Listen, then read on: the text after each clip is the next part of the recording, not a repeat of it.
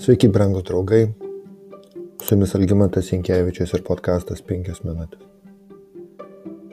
9 ir 8 amžiuje prieš Kristų Sirijos karalystė aukštutinėje Mesopotamijoje sparčiai stiprėjo. Ninevė tapo rimta grėsmė daugeliu valstybių, skaitant Izraelį, Aramą, Judėją ir kitas.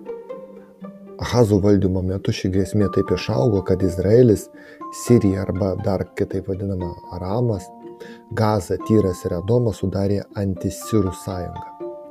Judėjai atsisakė kovoti su galingu priešu ir nesijungė į šį alijansą.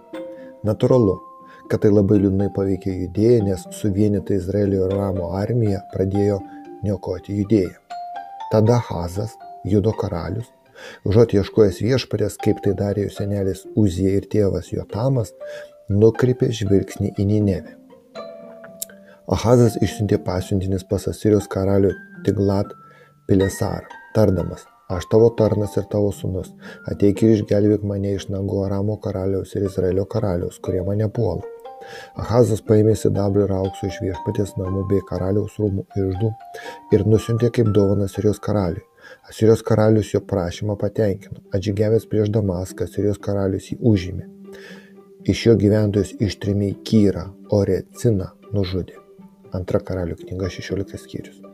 Nors Asirijos karalius padėjo Hazui, jis Ahazui buvo našta, nes pareikalavo solidžios doklės už jo paslaugas. Norėdamas ją sumokėti, Ahazas padarė tai, ko dar niekas iki jo nebuvo padaręs.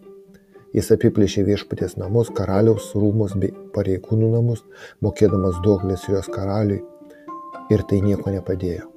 Savo vargų metais karalius Ahazas net dar labiau nusižengė viešpačiui atnašaudamas aukas Damasko dievams. Ahazas surinko Dievo namų reikmenis ir sukapojo.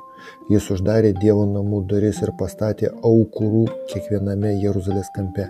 Visuose judo miestuose įsirinkė aukštumų alkus, smilkalams atnašauti kitiems dievams, vesdamas įpykti viešpatį savo protėvių dievą. Jis atidavė ugnį savo sūnus bjaurių papročių. Antra metraščių knyga 28 skyrius. 16 metų karaliaus Ahazo valdymo baigėsi jo mirtimi. Ir į sostą įžengė jo sūnus Ezekijas 25 metų. Jis buvo visi, visiška prieši, priešingybė savo tėvui.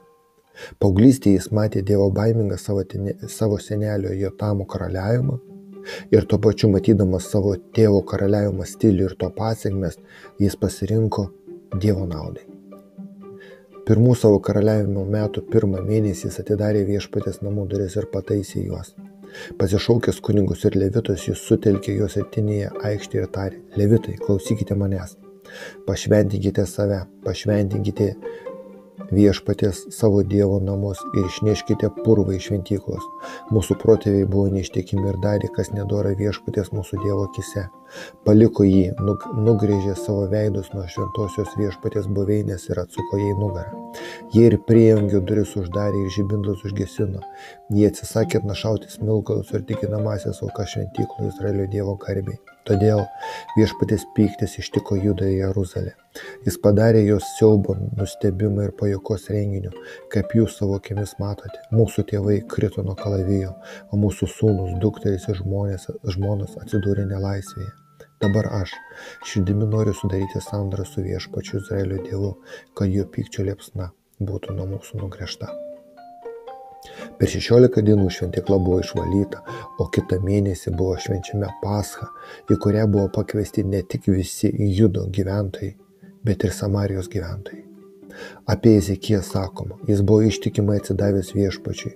Ezekijas niekada nepasitraukė nuo viešpatės, bet laikėsi įsakymų, kurios viešpats buvo davęs per mozę. Viešpats buvo su juo, ką tik jis imdavosi daryti ir jiems sekėsi. Jis pakėlė maištą prieš Asijos karalių ir netarnavo jam. Brangus draugai, tėvo Hazurio sūnaus Ezekijo pavyzdžių matome, kiek mūsų asmeninis gyvenimas priklauso nuo mūsų santykių su Dievu. Dvasingumas yra neatsiejama mūsų gyvenimo dalis. Ir tik įsikibę į viešpatį galime džiaugtis palaiminimais, kuriuos viešpats mums paruošė.